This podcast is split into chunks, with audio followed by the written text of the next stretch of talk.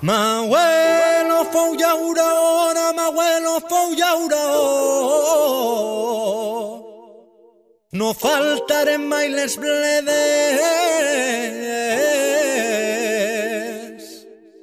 I ara que ja sóc padrí, que vull ser llauró. I asfalt damunt d'eixes terres.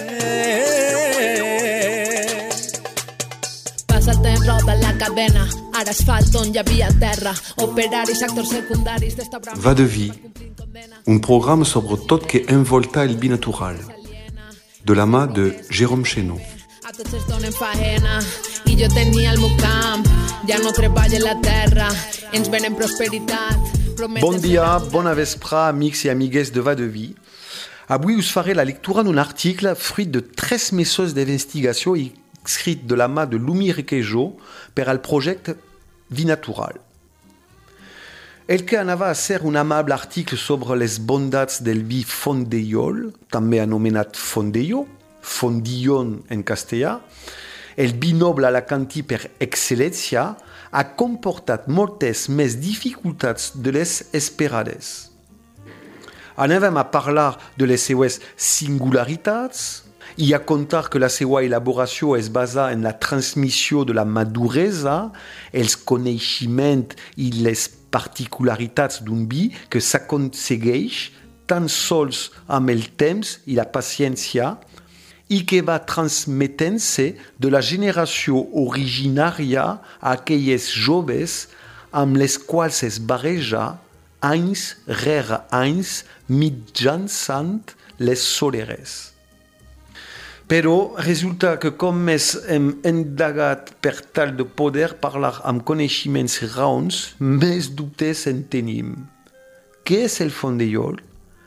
Quin és el seu origen? Semblen preguntes fàcils a respondre i no, no, no ho són.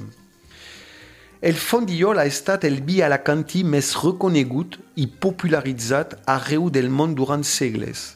O, almenys, això és el que ens han dit durant anys i anys.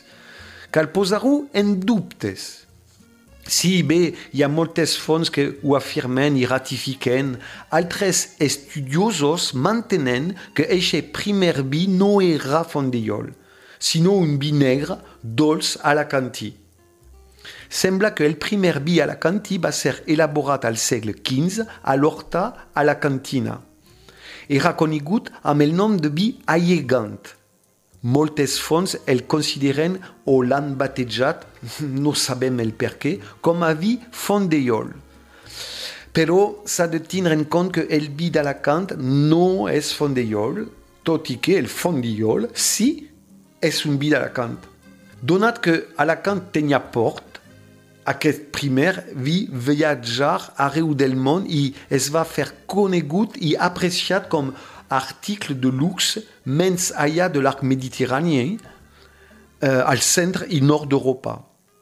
Així cobra sentit la teoria dels que defensen que aquest vi tan popularitzat i apreciat no era un fondellol, perquè per a fer un fondellol es necessita una variant decisiva, temps. El procediment d'elaboració amb soleres exigeix danys i cures especials, de manera que la producció n'és sempre molt reduïda.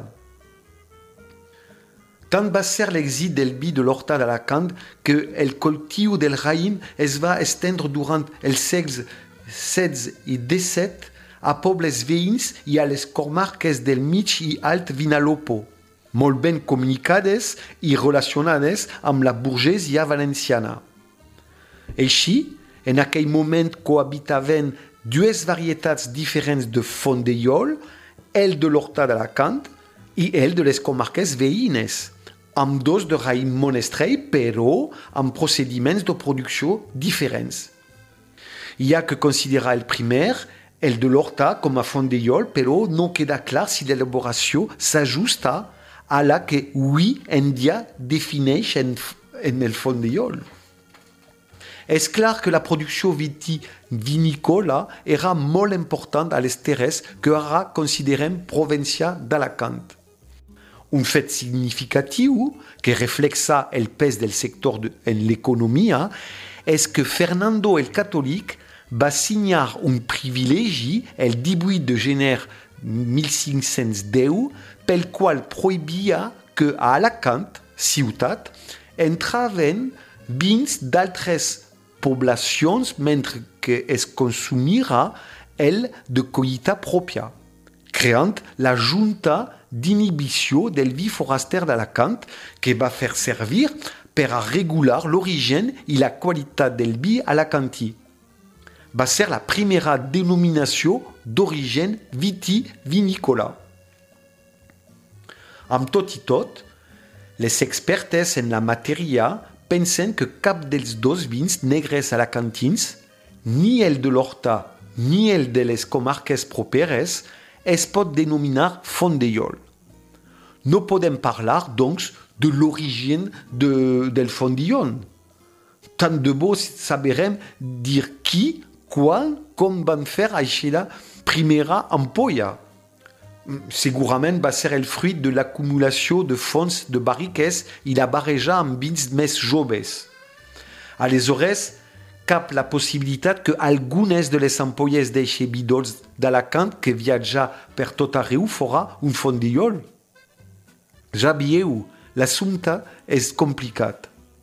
El que sembla cert és que el vi negre alacantí, dolç i generós, era el més famós, apreciat i consumit per les altres esferes europees. Diuen que era el favorit del rei Sol i d'Isabel I d'Angleterra. El duc de Saint-Simon, cronista officiel de la corte, que el rei Sol Louis XIV de França mullava el biscuit en aquest. D'ací que fora batejat amb el sobrenom Bi de Reis, com a mostra una referència amb el conte de Monte Cristo d'Alexandre Dumas. Pero sentaos, dijo Montecristo, en verdad no sé en qué estoy pensando. Hace un cuarto de hora que os tengo ahí de pie. No le hace, señor conde. El mayor tornó un sillón y, y se sentó. Allora, dijo el conde, ¿queréis tomar alguna cosa?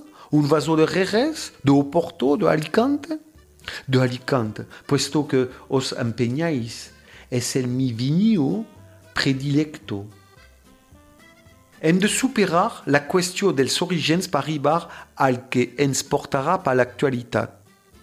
Però ens aturem en l'etapa daurada del vi. Segons fonts consultades, al final del segle XIX hi havia unes 4.000 bodegues en la província. Afirmem que es dedicaven a la producció del fondillol, però ara pensem que les exigències de l'elaboració d'aquest vi fan impossible que totes se'n feren. Amb la filoxera, els canvis en l'economia mundial i espanyola i altres factors conjunturals, el cultiu del raïm va decaure. S'estima que al principi del segle XX, abans la guerra civil espanyola, quedaven menys de 100 hectares dedicades al cultiu del monestrell. I, contrairament a la versió idílica del vi exitós i popularitzat, tot apunta a que el vi fondellol era més bé un vi d'escassa producció i per minories exigents. Un vi elitista que no va poder fugir tampoc dels temps de la foscor. Va ser a un punt de desaparèixer. Com que els cicles i etapes no s'aturen mai, ha hagut un renaixement que ens ha dut cap a un moment actual esperançador. A meitat del segle passat va haver una tasca de recerca i recuperació que s'atribueix per part d'algunes fonts a dos importants vinyaters alacantins, Salvador Poveda i Primitivo Quiles. Van comprar, rescatar i restaurar algunes botes antigues pel tal de tornar a fer fondillol als anys 60-70. La qüestió és que el fondellol ha ressorgit amb força. Està tenint molt d'èxit, curiosament, entre les classes amb major poder adquisitiu de les gelides terres de l'Europa de l'Est. Per fi, el vi noble alacantí és reconegut i valorat com mereix un vi que tan sols es pot fer des de la veritable estima. Aleshores, què és el fondiol? La Deo Vinos Alicanta dedica al vi més emblemàtic, el vi de Reis, tot un manual del fondillon, en majúscula, eh, sisplau, en el qual s'explica que el primer pas per obtindre'l és un dels més importants, és deixar els, el raïm monestrell sobre manual al cep sota els rajos del sol. Perquè deixar-lo més temps del que tocaria per elaborar qualsevol altre vi fa que el raïm guanyi uns punts més de sucre. És el que li dona a la vi la dolçor que el caracteritza. Així tenim un altre punt de controvèrsia. Els puristes defensen que l'única varietat per a fer el és la monestrell.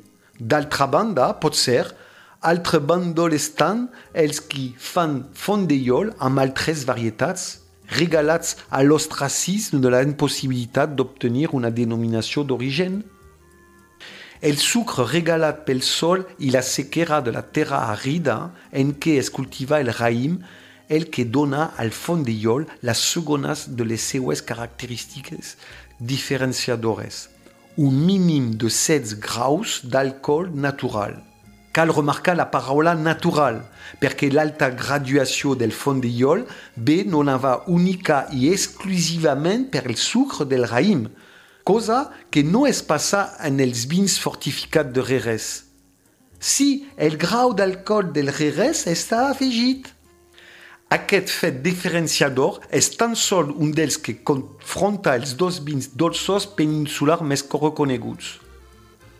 Tornem a l'elaboració del nostre fondillon per l'abordatge del pas decisiu en l'elaboració, la criança per solera. Podríem resumir el procediment en què consisteix a deixar el vi madurar en la bota durant anys i anys. La DO d'Alacant estableix que, en el seu manual que el període d'envelliment ha de ser mínim de 10 anys. I qui afirma que el nom del vi, fondellol o fondelló, ve precisament donat del fet que les botes o tonells per fer-ho es troben habitualment al fons de les bodegues. Però en la definició que fa la RAE del terme fondillon no fa referència a la ubicació dels tonells, sinó al que dona tot el sentit a aquest vi. Diu així, Fondillon, asiento y madre de la Cuba cuando, después de la mediada, se vuelve a llenar. Trobem en aquest punt un altre de les claus d'aquest el procés amb el qual es perpetua el llinatge dins de cada bota. Unes botes especials enormes per set, festes de fusta més grossa per albergar un mínim de 500 litres, quantitat poc freqüent en altres sistemes de criança. Hi ha bodegues on tenen establides unes mides molt peculiars per a la capacitat de la bota, basat en els canters, una magnitud medieval prèvia per descomptat al sistema mètric decimal que mesurava 11,55 litres. Les botes més comuns antiguament solen tindre 150 canters, tot i que se'n fabricava de 125 canters, de 90, de 80 i fins i tot de 60. De manera que les bodegues més fidels en la tradició fan servir tonells de 1732,50 litres per al seu fondellol. I com es fa? Per el principi. Els vinyaters recolecten el raïm sobremadurat per obtindre més sucre i el peculiar regust a pansa del fondellol. Així, fan vi de raïm pansificat. El most del raïm pansificat és introduït en eixes grans botes en les quals el vi anirà madurant durant un mínim de 5 anys. Moment en què es fa un tast decisiu, determinant, en el qual els onòlegs decideixen si és o no apte a per a fer un fondillol. Si ho és, hi reposarà un altres 5 anys, com a mínim, habitualment entre 20 i 25 anys. El tonell que conté el vi originari, el més antic, està situat al sol i damunt d'ell va col·locant-se botes amb vi d'altres anyades posteriors. Ha d'estar sempre ple. Però en deixar-hi el vi reposar, dia rere dia, mes rere mes, any rere any, es produeixen alguns buits causats per el procés oxidatiu del vi o per la saca, l'extraction del caldo per embotellar-ho. Per completar la bota originària, es fan servir els caldos més joves que jauen els tonells de damunt. O també hi ha que fer ús de vins de la mateixa anyada que l'original, però de diferent bota. La solera. El resultat és que el vi més madur i experimentat fa lligam amb els més joves, han de tenir 5 anys com a mínim, compartint amb ells tota la seva saviesa. Naix així una magia que transforma el suc del raïm en un vi ranci, assentat, que fa gust a espècies, a fruits madures, que té una intensa tonalitat ambre i que arriba al mercat dins la peculiar i característica ampolla del fondellol. Es veu l'ampolla redona, generosa, acollidora com el sens d'una mare. Un ja sap que beurà un vi especial. Per tant, la pregunta és com no havia de tornar? Salut i vi!